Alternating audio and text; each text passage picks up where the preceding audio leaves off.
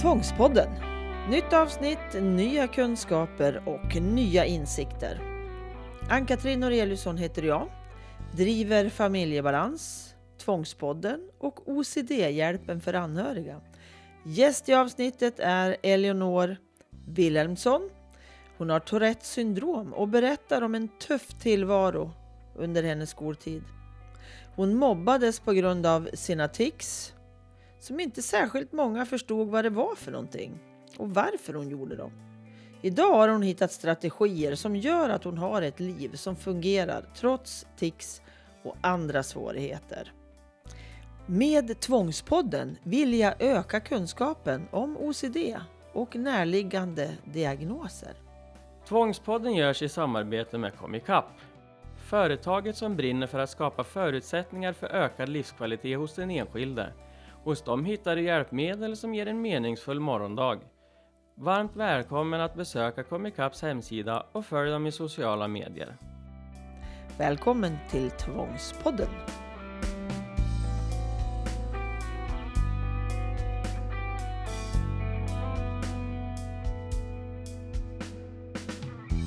Hej Elinor! Ja, hej. Och välkommen till Tvångspodden. Ja, tack så jättemycket. Du och jag ska prata om Tourette och mobbing och lite grejer och saker runt det. Men Ja. innan vi kommer in på det så ska du få berätta lite. Vem är du Elinor? Eh, jo, jag eh, ja, bor ute i en liten ort eh, på västkusten som heter Bya. Eh, ligger vid, norr om Varberg.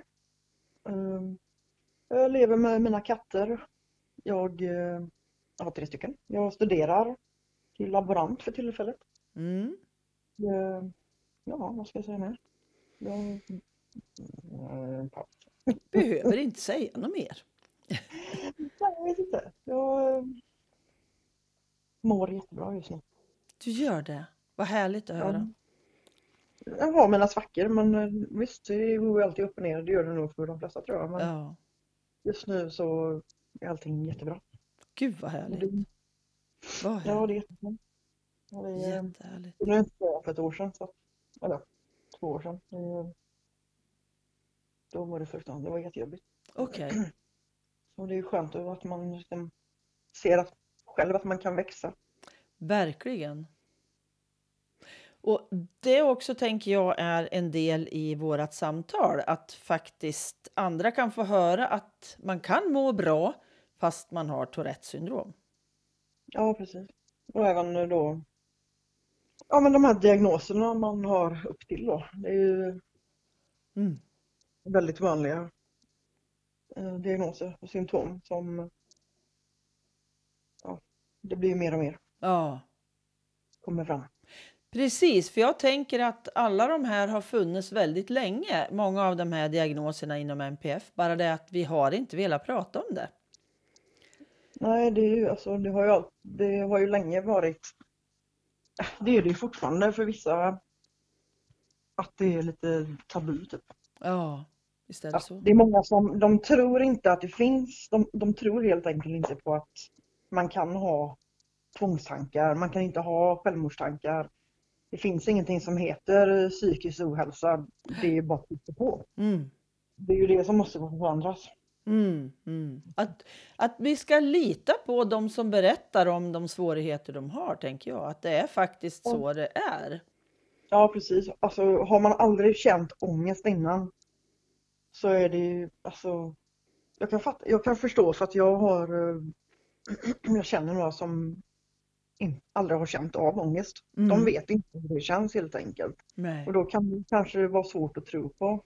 Visst, men när det är så många som går ut med sina historier, Mm. då tycker man att då borde de ju fatta att det ligger någon sanning i, liksom, eller inte sanning i, utan att det faktiskt existerar. Det är på riktigt. Det är på riktigt. Mm. Och man kanske ska faktiskt tänka lite att jaha, men alla kanske inte fungerar som mig utan alla är ju olika. Jag tänker, nu när du säger olika, har du känt dig olik andra under din uppväxt? Ja, det har jag gjort. Jag blev eh, rätt mobbad. eh, Eller ganska mycket. Så från det att jag var redan 6-7 år. Oj. Jag känner sig, alltså man är på ett annat sätt. Ja. Och förmodligen så hade jag ju de här vissa så, diagnoser redan nu. Mm. Och visste inte hur jag skulle ja, men hur jag ska liksom reagera på andra, hur jag ska Ja, så det mesta i svart och vitt. Ja och nej kan ju liksom betyda olika saker. Man, eh, ett, en lek kan vara liksom att man jagar någon som har tagit en keps eller mössa eller någonting. Mm. Då förstod inte jag att det var lek. Nej. Och då blir man ju väldigt utsatt. När... Det är klart, det är barn förstår ju inte heller det.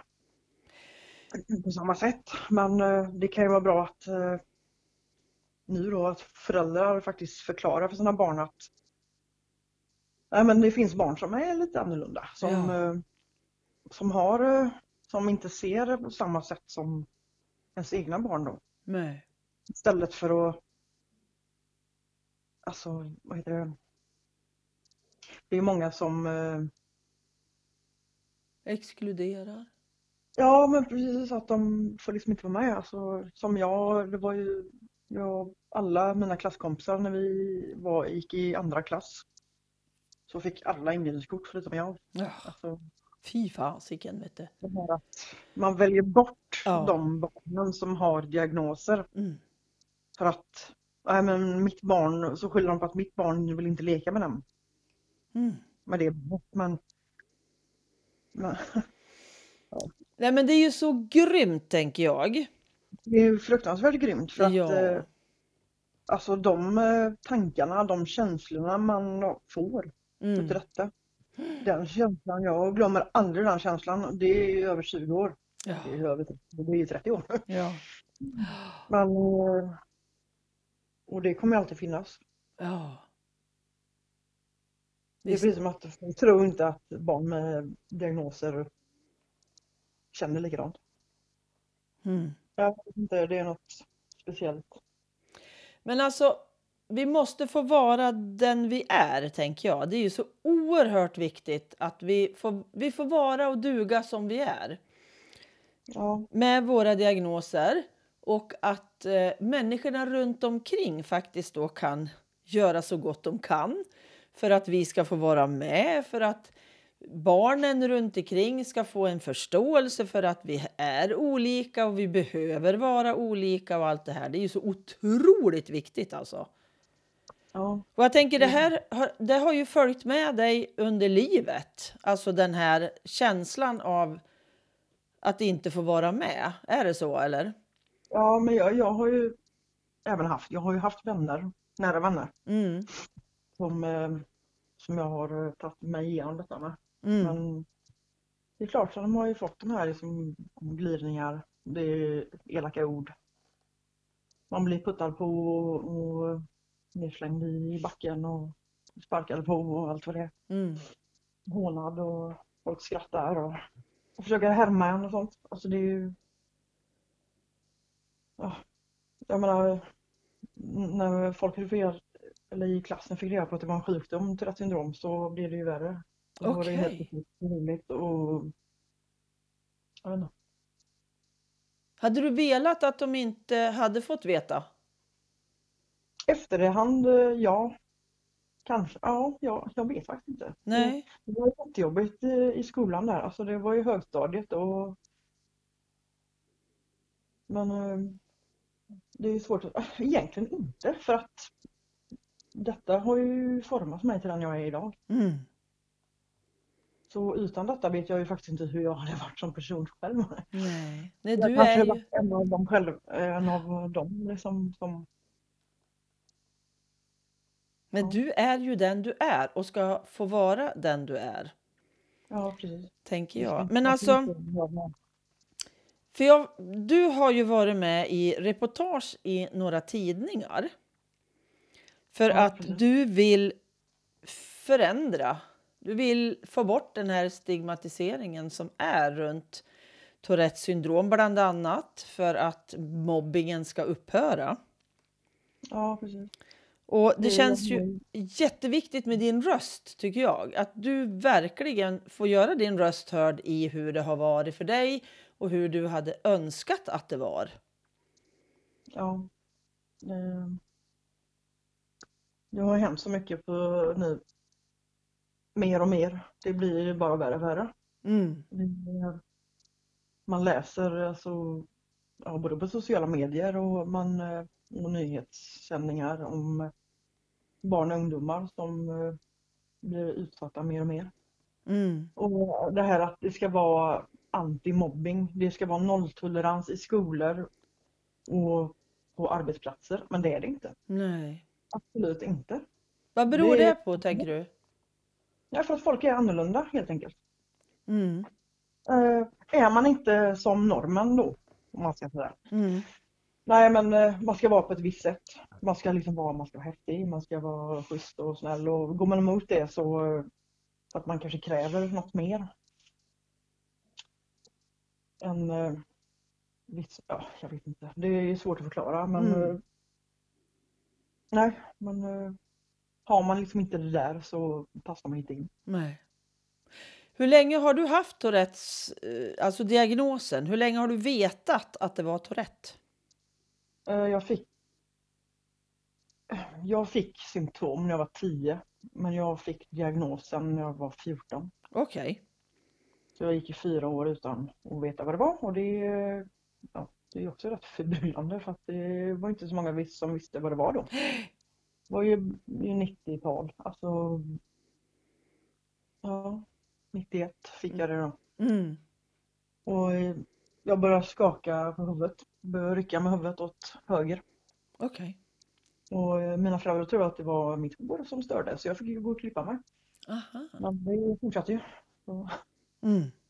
Sen blev vi ju läkare och det, men det var faktiskt skolsyster på, på den skol, gymnasie, nej förlåt, högstadieskolan som eh, kom på att det kunde vara Tourettes. Okej. Så hon visste Mm. ändå vad det var? Hon har nog kollat upp symptomen och sånt. Ah. Eh, Men så har det väl blivit ja, men hon har ju konstiga rörelser för sig, undrar om det kan vara detta. Och sen fick vi ju komma till en neurolog så att då fick jag ju diagno- diagnosen då. Mm.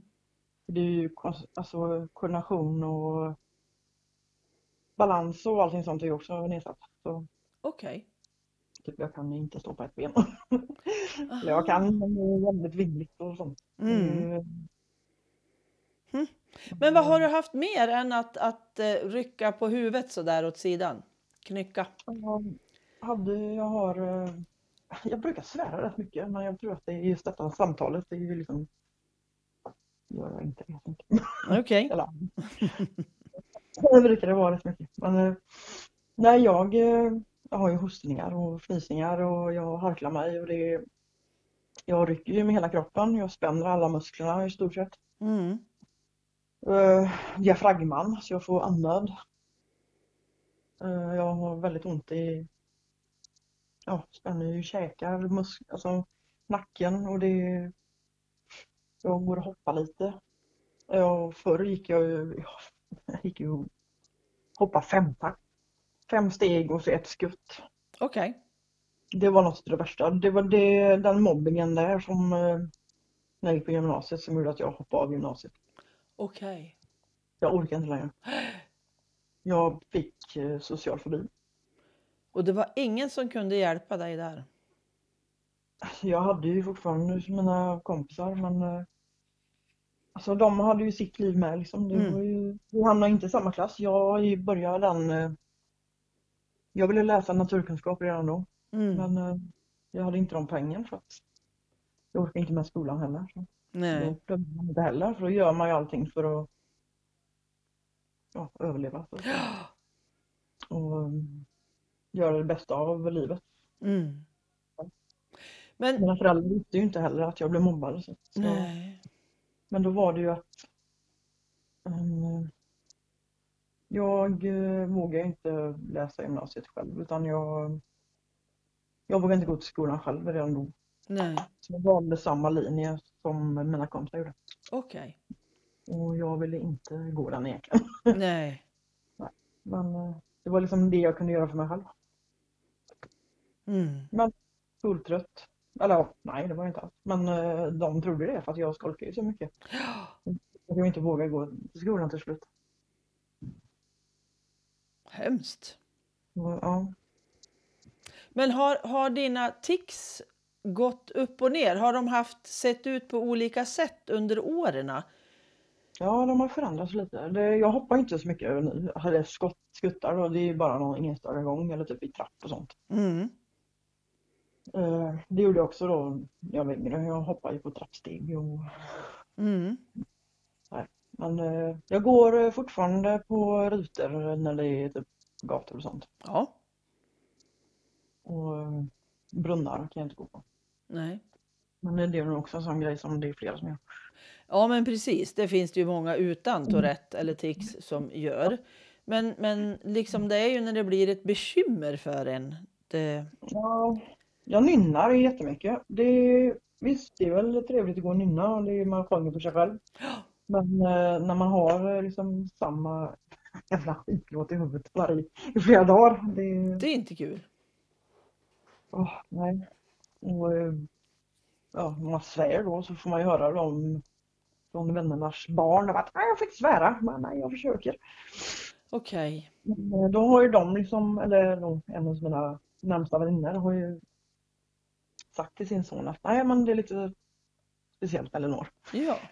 Eh, Hon kan inte, hon, nej men hon kan inte, hon är inte som, det är jättesvårt jag kan inte säga att jag inte är som alla andra. Men visserligen det är jag inte heller men fast ändå säger jag det. Ja, men precis. Det är det ju. Det är så svårt att förklara. Hon, Ja. alltså, hon berättar ju för mig att hon har, hon har förklarat. Ja. Men han är sex år. Han fyller sju år snart. Så, men, eh, han, förstår, han, han, han förstår att jag är lite annorlunda Ja. och att jag, jag får svära. ja, men precis. Vad bra. Vad Ja, bra. men sen säger jag till han att ja, förlåt, men jag vet att man inte ska svära. Mm. Men, och du ska inte heller svära, säger jag till honom. Men, eh, Barn kan ju vara ganska tillåtande. Om Ja. de får veta vad det handlar om liksom. Ja, precis. Så, men han, eh, han har nog börjat vänja sig lite för han eh, bryr sig inte lika mycket längre. Ja, men det är bra. Det är bra. Vissa saker ska man vänja sig vid. Jag har ju en son Ja. som har Tourette.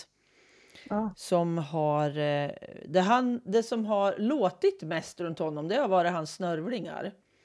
Och de Mm. kommer mest... När han var barn kunde han snörvla alltså i 40 minuter innan han somnade.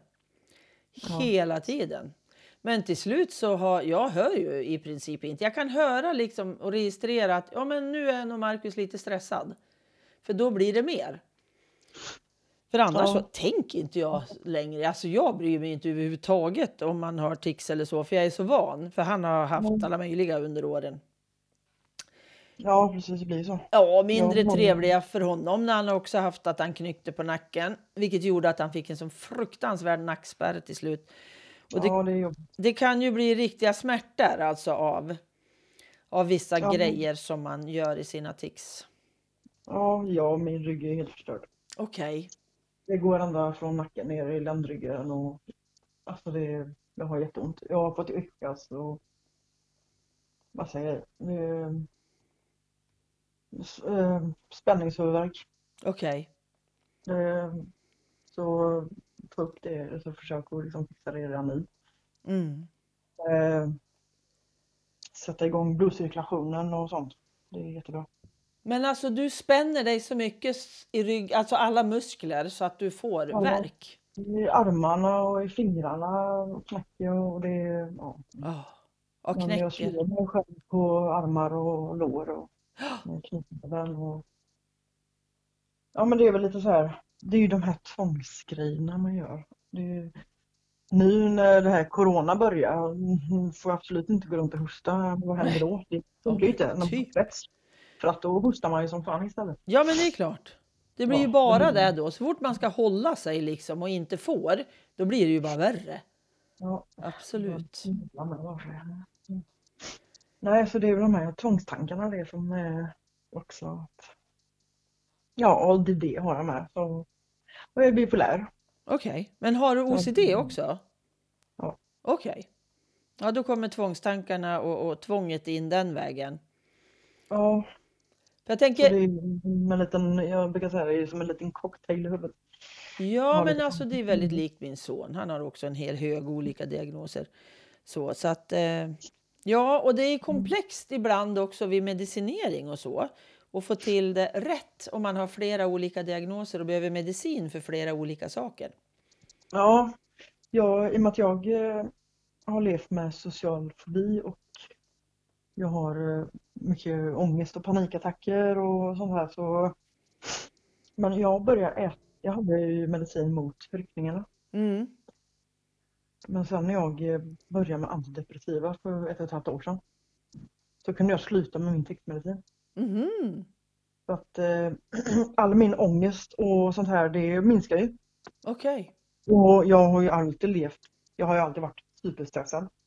Eh, Det, det blev ju mindre, det minskar ju och då, då försvann ju mycket av mina ryckningar också. Gud vad skönt. Ja. Sen att är, man har vissa dagar eller nätter då man bara ligger och rycker hela natten.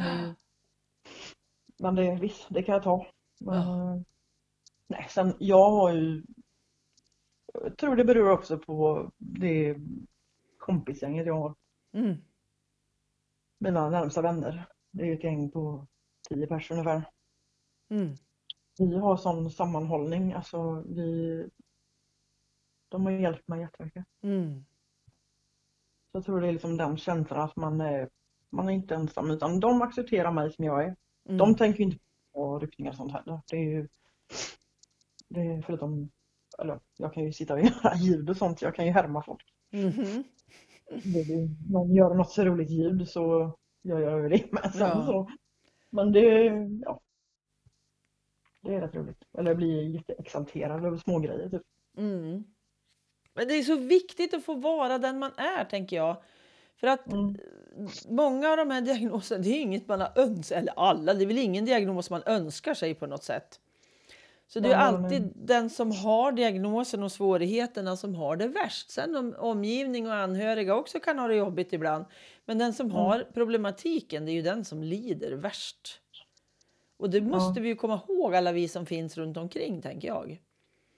Ja, precis. Vi behöver minnas att ja, men även om jag är anhörig och tycker det här är väldigt besvärligt att se eller jättesmärtsamt att se min unge må dåligt så mår ju min unge ännu sämre. Så Ja. är det ju. Så Ja, det vi som är runt måste vara väldigt goda människor tycker jag. För att vi behöver, vi behöver kunna stå ut med en hel del. Av om det nu är tics eller tvång eller vad det är. Sådär, att vi inte dömer, tänker jag. ja, precis. Det är ju, får man då som jag mycket utifrån med så ska man ju kunna ha en trygg plats Ja, att vända sig till. Mm. absolut. Min familj har varit jättestöttande också. Så att det, och mina katter. Ja, men djur är ju suveränt alltså. Ja. Djur är jättebra. ja, de märker när man mår dåligt med så de kommer och kryper upp hos mig. Så. Ja, det är häftigt det där alltså. Mm. Att de verkligen, för jag var också, jag hade en ledsen dag igår och då kom katten knatande här också och hoppar upp i knät och jamar, för hon jamar inte speciellt mycket våran katt. Men då Ja. gör hon det liksom att typ, vad är det Matte? Hur är det med dig? Sådär, ja men de är häftiga. Ja, De är häftiga. Man, eh, man får sån kärlek så att det, och värme utav dem så att det, Ja, man blir lycklig. ja, Man får massa sån här serotonin och ja men visst. det bara sprudlar. Ja. Har du alltid haft katter eller? Ja, vi har haft sedan vi var små. Mm. Eh, Så det har ju varit lite så här. Men nu har jag ju två hundar och en hane. Mm. Idun och Mari. Mhm. Idun är ju den sista som har kommit in. Henne adopterade jag för ett och ett halvt år sedan. Okej. Från djurskyddet då i Varberg. Ja. Eller i Halland. Mhm. man får ta hand om de små. Ja, men absolut, absolut. Ja, men det känns bra för mig. Jag, det känns bra att hjälpa andra. Så. Absolut. Ja, jo, vi har också en, en adopterad katt. Vi har haft, det här är vår tredje adopterade katt. Fast de, Mm. inte, de har inte bott här samtidigt utan de har Ja. kommit efter varann. Liksom. Men vad har du gjort förutom, alltså jag tänker under tidigare år då med din Tourette, vad har du gjort för att hantera den? Har du, har du liksom hittat strategier eller hur har du gjort? Ja, ja, alltså, det, jag har ju ofta hållit mig för mig själv. Mm, Eh, speciellt när jag får mina såna här svackor om man säger så. Mm. Man ska säga. Med ångestattacker och depressioner. Då stänger jag in mig själv och bara rullar ner överallt. Men alltså låt det fortsätta. Låt det vara. mm, Stressa inte igenom en depression. Låt den få fortgå. Alltså sov, gör så. Ligg och vila, ät god mat. Gör vad fan du vill. Alltså, för att om man stressar på en depression så tar det bara längre tid innan man blir av med det. mm, Och eh, det är ju sånt jag har fått hjälp genom människor som jag har träffat längs vägen. mm, Och ehm, som har sagt till mig att men eh, sjuk, låt sjukskriva dig längre. Det gör inget. Du ska, alltså annars blir det bara att man får sjukskriva sig om och om igen. mm, Då, eh, då blir det jobbigt med det också. mm. Då känner man ju, man får ju skuldkänslor. Det är det, Mm. Ångesten som sätter liksom trycker ner en. Man trycker ner sig själv. Mm. Det slutar med självmordstankar och att man är helt värdelös, att man är en jävla belastning på samhället och sen vet man ju att det finns folk som tycker det också. Så. Och då blir det ännu värre. Ja. Bara tar plats i stort sett. Gud vad tråkigt det är att man hamnar i de där. Jag tror de känslorna är väldigt vanliga. Ja, Att man känner sig som en belastning. Att jag Ja, kan man- inget, jag orkar inget, jag är bara värdelös.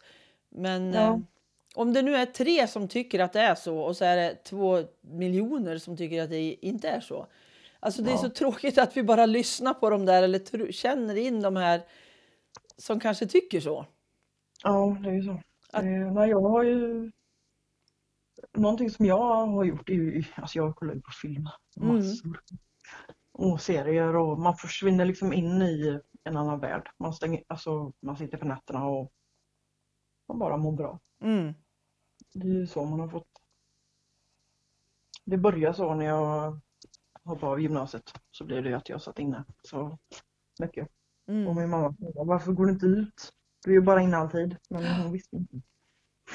Mm. Det, och det är ju tyvärr så jag tror att det blir nu också. Det är, när folk sitter hemma framför sina datorer så eh, det är det värsta jag med mobbing som jag kan tänka nu att jag hade det jättejobbigt men jag tror att barn och ungdomar har det nog fan värre nu.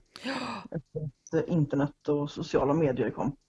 Ja, det, det kommer så rakt in på en liksom. Ja, Tänker jag. skolor, säger, skolor och arbetsplatser säger nolltolerans för mobbing. Mm. Men de kommer fortfarande åt den när man sitter hemma. Ja. Och det att jag ville gå ut och berätta om det här. Det är ju för att när man ser nioåring som går och hänger sig i skogen Mm. för att han blir så mobbad. Det är fruktansvärt. Det skär i hjärtat. Ja, Alltså, men du, det är vi ju måste ju göra någonting för att det måste ju bli förändringar. Precis. Vad hade de kunnat gjort för dig, tänker jag? Alltså det är väl mer att, att uppmärksamma hur man blir behandlad i skolan. Mm. Att lärare kanske försöker liksom Nu har de ju rätt mycket med skolvakter och sånt här ute på raster och sånt men alltså, det hade de väl inte riktigt förr. Nej. Så, och, Ja, men man vågar inte vara med på gymnastiken och sånt. Alltså, men förmodligen så finns det ju en orsak bakom. Man inte vill vara med. Ja. Istället för tvinga, alltså Ja. att man tvinga då till att vara med. Istället kan man ju kanske ta barnet vid sidan om och fråga om det är någonting som pågår antingen i skolan eller som pågår hemma. För det Mm. vet man. Det är väldigt många barn som blir utsatta hemma. Ja. Som faktiskt har blåmärken på kroppen. Som inte kan klä av sig. Ja. Ja, precis. Precis. Eller blir faktiskt slagna i skolan också. Mm. Blev du Eh, det? Blev du det? I skolan ja. Ja, jag menar det. I skolan. Mm. Ibland. Man, fick, eh, man kan bli inputtad i vägg och bli sparkad på och lite sånt. Så Mm. Det var aldrig någon vuxen som såg dig i skolan?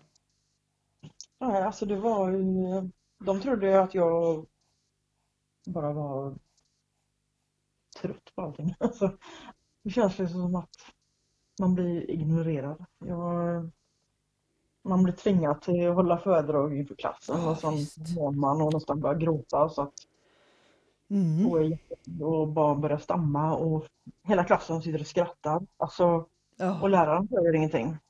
Nej. Jag hamnar ju till och med efter i, eh, i vissa kurser och då skulle jag få extra hjälp i franskan. Efter eh, lektionerna var slut. Och detta var gymnasiet. Och men det slutade med att läraren kom ju inte till slut. Nähä. Det är det. Nähä. Och jag menar, Konstigt. vad ska man... eh, Då orkar man ju liksom inte Nej. heller engagera sig. Så. Nej, inte om inte de vuxna gör det när de har tagit på sig något. Nej, så det de ska ju hjälpa. något hugg till där liksom i ryggen. Det var ju mer som spär på att man eh, inte vågar gå ut. Mm.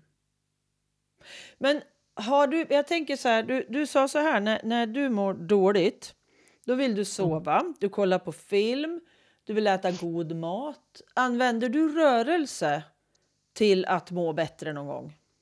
Jag är gärna ute och går, speciellt nu när det börjar spricka ut på våren. Ja. då, då får man de här lyckokänslorna. Ja. Det, jag gillar att simma. Rörelse i vattnet eh, Mm. är jättebra mot, mot Tourettes. tics. Eh, Det stimulerar liksom nerverna i huden. Så Ah, vad bra! intressant. Så det är någonting som ni ska kolla upp. Ja, men precis. så. Men ja. ehm, Det blir något alltså när vattnet strömmar efter kroppen, typ. Ja, precis. Mm. Det är ju jättemånga som har eh, pratat om just detta att deras barn badar jättemycket. Men ja, just det, men det är ju för att de eh, mår bättre. Ja, Att det liksom blir det här beröringen av vattnet som eh, ja, men stimulerar kroppen på något sätt. vad intressant, för min son badade tre gånger om dagen, alltså i badkaret, när han växte upp. Ja. Men det är en, alltså så fort man kommer ner i vattnet i en bassäng, alltså det är så jävla skönt. Allting, eh, alla smärtor, allting försvinner. Okej, Det är simma, man känner vattnet sköljer över kroppen. Det är jätteskönt. vilket bra tips hörru. Mm. Att bada och simma. Det räcker ju alltså att bara vara i vattnet. Jag måste ju inte ens simma då. Nej, bara, bara vara i vattnet. Mm. Men-. Känner du hur, hur att ticserna går tillbaka då? Ja, det blir bättre. Så det känns ju att man blir mer avslappnad och då eh, är man mer avslappnad så då får man mindre tics med. Ja. Vad häftigt. Ja, man lär sig mycket genom åren. Ja, men precis. Men jag tänker på, an, apropå avslappning, tänker jag, använder du avslappningsövningar och mindfulness och sån medveten närvaro och sånt där? Ja, det har jag faktiskt. Jag har varit på många sådana kurser. Mm. Eh, jag- när jag bodde i Perstorp så var, gick jag sån eh, med flera som hade som var bipolära och hade ADHD och massa sånt. Det var Mm. ju eh, livs, kroppskännedom heter det. Okej.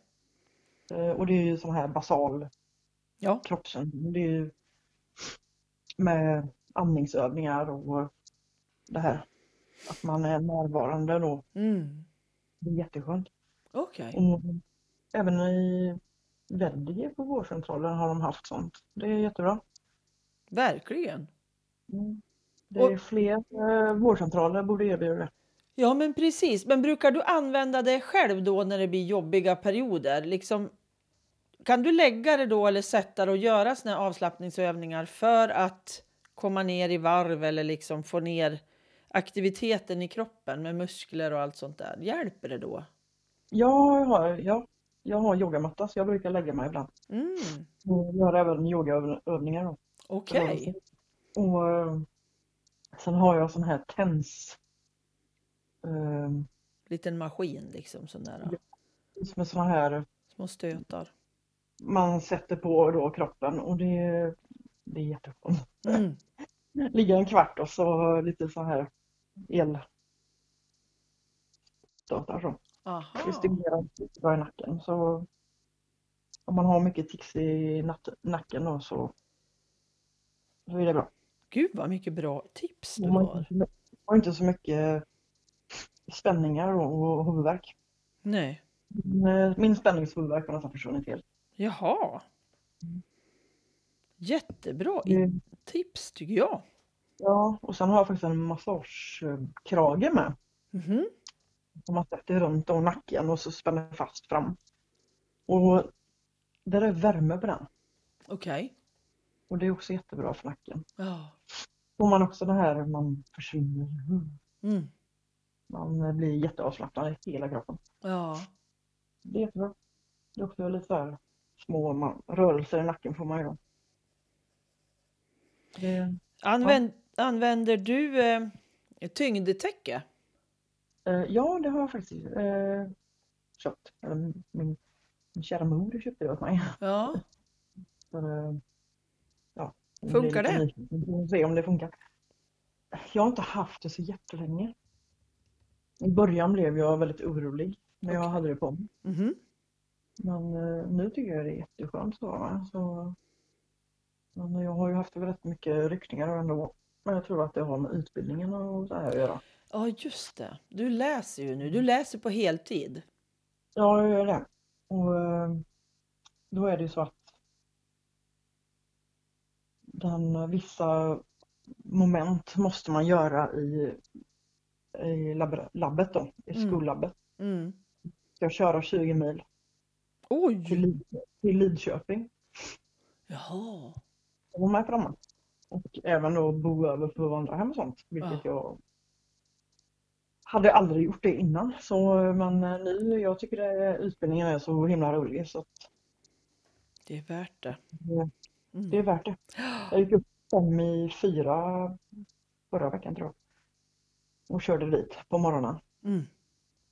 Och började halv nio, sen körde jag hem på kvällen. Oj, jäklans. Det är dryga dagar det du. Ja, men det är roligt. Det, Ja. Jag, hade inte gått, jag hade inte gått upp så tidigt för mitt förra jobb. Så att det, Nej. och jag, nej, det är också en sån grej att när man har Tourettes. Jag, alltså stå i ett lab, laboratorium Mm. med mätinstrument och sköra glas, alltså ekolvar och, och allt vad det är. Mm.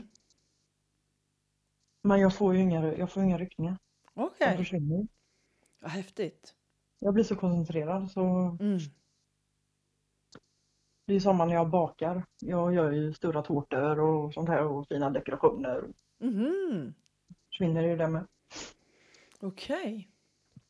Vad häftigt det är att få hitta de här sakerna som gör att jag faktiskt mår riktigt mycket bättre. Ja, det är jättehäftigt. Så det är ju bara, för, för jag tänker på de som lyssnar nu som har Tourette. Alltså de behöver ju verkligen, som inte har hittat liksom vad de gillar. Det är ju alltså att prova vidare tänker jag. Ja. För att Det har hitta, tagit mig lång tid att komma dit jag är nu men alltså för, för två år sedan hade jag inte ens en jag hade inte ens en gymnasieexamen. nej. Men jag eh, satte mig ner och började fundera på vad vill jag göra? Och sen eh, körde jag på. Jag läste upp gymnasiet på ett år. 16 kurser på distans. Åh Det finns ju kurser man kan läsa upp. Så det, Ja. så det, jag läste ju upp alla ämnen plus naturvetenskapliga då så att jag kunde komma in på den här eh, labbhögskolan då. Mm. Men vilket, vad är det för sorts labb du ska jobba på? Det är ju, det finns ju, alltså det är jättebrett. Detta blir ju lite labbassistent, Okej. labbtekniker. Det blir ju, eh, man kan ju inom miljö och hälsa, eh, livsmedel, Jaha.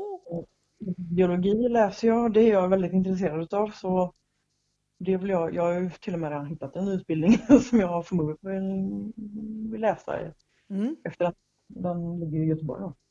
Och det är ju, man läser till mikrobiolog inom smittskydd. Aha. Det är rätt inne nu också. Ja men precis, det är ju helt rätt i tiden. Ja, precis. Men sen då, alltså livsmedel, man eh, undersöker eh, i affärer. Mm. Det är eh, bakterier. Precis. För det är mycket som sprids Ja. genom typ salmonella och allt vad det är.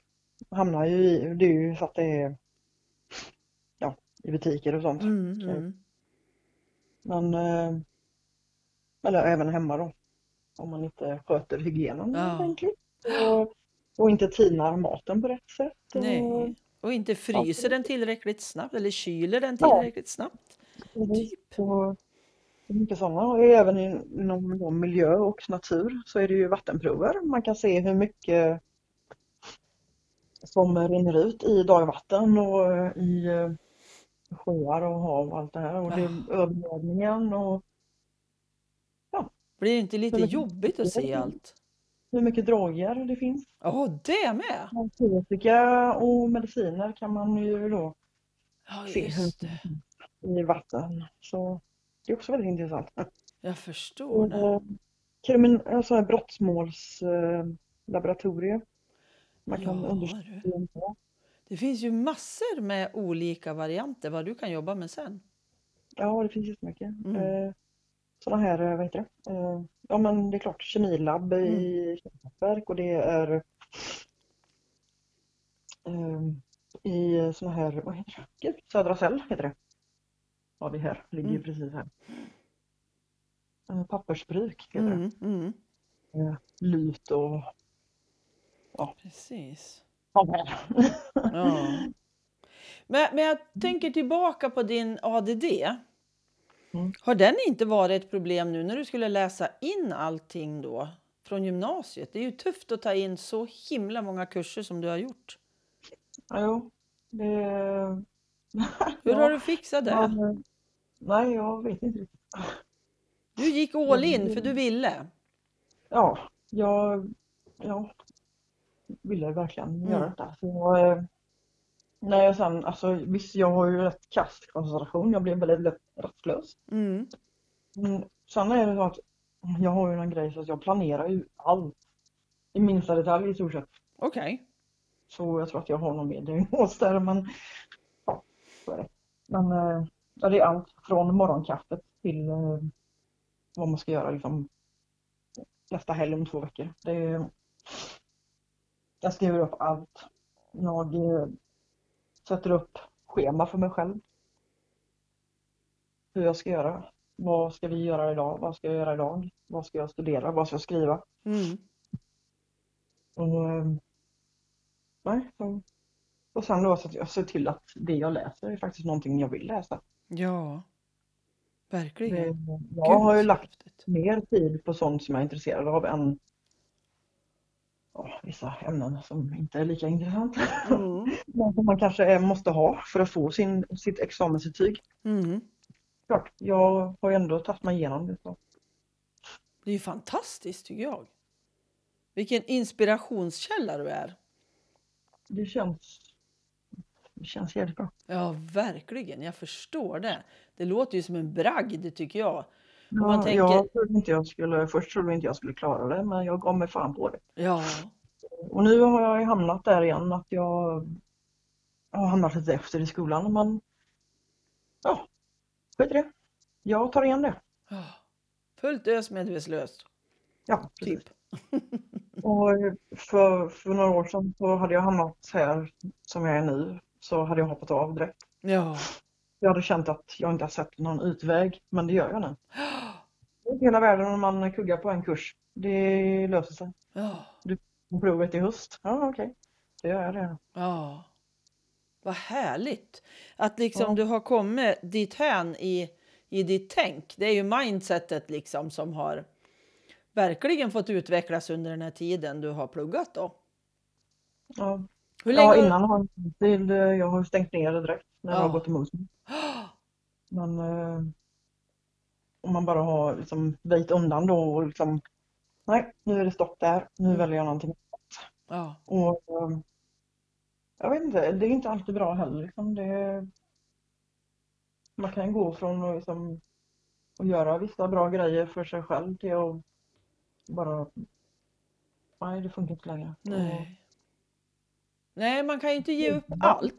Det, nej, det är, det, som är, det är ju det som är så himla svårt med de här diagnoserna. Ja, Hjärnan funkar ju på vissa sätt. ja. Och man vill gärna gå vidare liksom till nästa Ja, när det precis. blir jobbigt. Och så. lägger man liksom här, går det emot en, det, så har det också varit för mig när jag studerat. Mm. Går det emot mig för mycket, då stänger jag ner. Då stänger hjärnan ner i stort Ja. sett. Sen går jag och rensar garderober. Alltså, ja, när man gör något helt gör annat. helt annat. Jag klarar inte mer. Nej, Men bryt och så fortsätter den efter. ja. Precis. Prata med någon, diskutera med någon. Alltså ring och prata med en vän. Så har Exakt. man liksom, ta raster, alltså pauser från detta. Då det löser sig. Alltså, Mm. det man får inte sitta och bara Jag menar att det börjar gå emot en så att man bara blir irriterad på det. Det. Man slutar liksom, nej men detta är ingenting för mig. Men nej, det inte så utan det är bara att Nej, man stäng, lägg ner, stäng datan, lägg ihop böckerna och så fortsätter den efter. Mm. Bryt innan det blir för jobbigt liksom. Ja, för till slut så kommer det inte fungera längre. Och Nej. då blir man bara, då får man någon, då hamnar man i depressioner för att man Mm. tror att man inte kan. Precis. Precis. Och det är ju det jag har gjort innan. Mm. Det, Men det känns som att du har en framtid nu, Elinor. det, ja, det satsar jag på. Härligt som bara den. För det är ju, en del kommer ju den där genombrottet mycket senare än vad det kanske gör för andra. Ja, Men det ja, kan... det gör jag. Jag fyller ju 40 nu i höst. Så. Ah, Men jag menar, livet är ju inte slut. Så. Nej, för tusan säger jag som är 65. Det tar inte slut vid 40, det kan jag lova dig. Du har massor med år kvar. Det kan ta många år att föra att läka. Alltså, Ja. det är bara att köra på. Ja, men alltså att våga ha det där hoppet kvar, tänker jag. För att jag tror också där, man, har man haft det fruktansvärt jobbigt under sin uppväxt, då behöver man, som du sa, man behöver läka för att liksom komma ikapp sina jämnåriga som då inte kanske har slitit halvt ihjäl sig med mobbing och, och med diagnoser och fan och hans mormor. Det är klart Mm. att vi behöver läktid, så är det ju. Ja, Absolut. Absolut. Jag tänker vi ska avrunda, Elinor. Ja. Och eh, innan dess så undrar jag om det är någonting som du vill trycka på lite extra av det vi har pratat om. Eller om det är någonting som du tycker att det här har vi ju helt glömt bort att säga. ja nej men eh, att man ska prova alternativ och inte ge upp. Inte djup, prova alternativ, absolut. Viktigt. Viktigt. Och liksom våga stå upp för sig själv. Ja, Våga säga till sina föräldrar eller de man har i omgivningen att nej, men be om hjälp helt enkelt. ja, viktigt. För att alla behöver hjälp ibland. Mm. Man klarar inte allting själv. Och det är, det är starkt. Man är en väldigt stark person om man vågar be om hjälp. Ja, Och, verkligen. man, är- och så att man inte är ensam faktiskt. Det är, när jag träffade några nära vänner nere i Perstorp första gången som också hade de här diagnoserna. Mm. Det var första gången jag förstod att jag inte var själv. Åh gud vad skönt det måste ha varit. Det lättar mycket också. Det var då jag började läka. Oh. Det är ett bra råd just det där att ta kontakt med andra som du Ja. vet har liknande svårigheter. För det är väldigt helande när folk sitter och nickar åt en och man ser att ja, men de fattar. Ja, det är mer folk som förstår än vad man tror. Ja, helt klart. Ja. Helt klart. Och tappa inte hoppet. Precis. Och så de här råden du hade också tycker jag med att eh, du har din tensapparat. Att Ja. bada, att använda sig av avslappning, massagekrage, tyngdtäcke. Alltså lite allt möjligt sånt här som man ska prova sig fram till. Ja, Och se det finns alltid någonting för någon. Så att det, Ja, Sen, eh, jag har ju märkt att jag gör någonting också. Jag pratar ju väldigt ofta med mig själv. okej. Det är väl mina tics. Och det här som gör att jag, Ja, men det är Jag väl bra. jag har alltid varit lite så här att folk tittar på mig så mår jag dåligt. Ja, Okej. Ja. Men, Så nu när jag är ute och handlar så går jag runt och pratar med mig själv. Så, Men vet, Ja, men nu är det ju inte ett dugg konstigt att folk pratar för sig själv. För jag, jag hajar många gånger och tror att de pratar med mig. Då går de ju och pratar telefon och så har man en Ja. sån här liten hörlur in i örat som ingen ser. ja, Så att nu är ju inte det ett dugg konstigt egentligen. nej. Men vissa har ju tittat snett. Ja. Men då, blir ju bara, Man kan ju bli förvånad. var dig själv och skit i andra. Ja, jätteviktigt att våga vara sig själv. Oerhört viktigt. Det är jättebra att du säger det. Mm. Så är Ja, det. är en också nära vän som sa det. att, Men Ellen, du är du Mm. med ett, med ett Tourettes.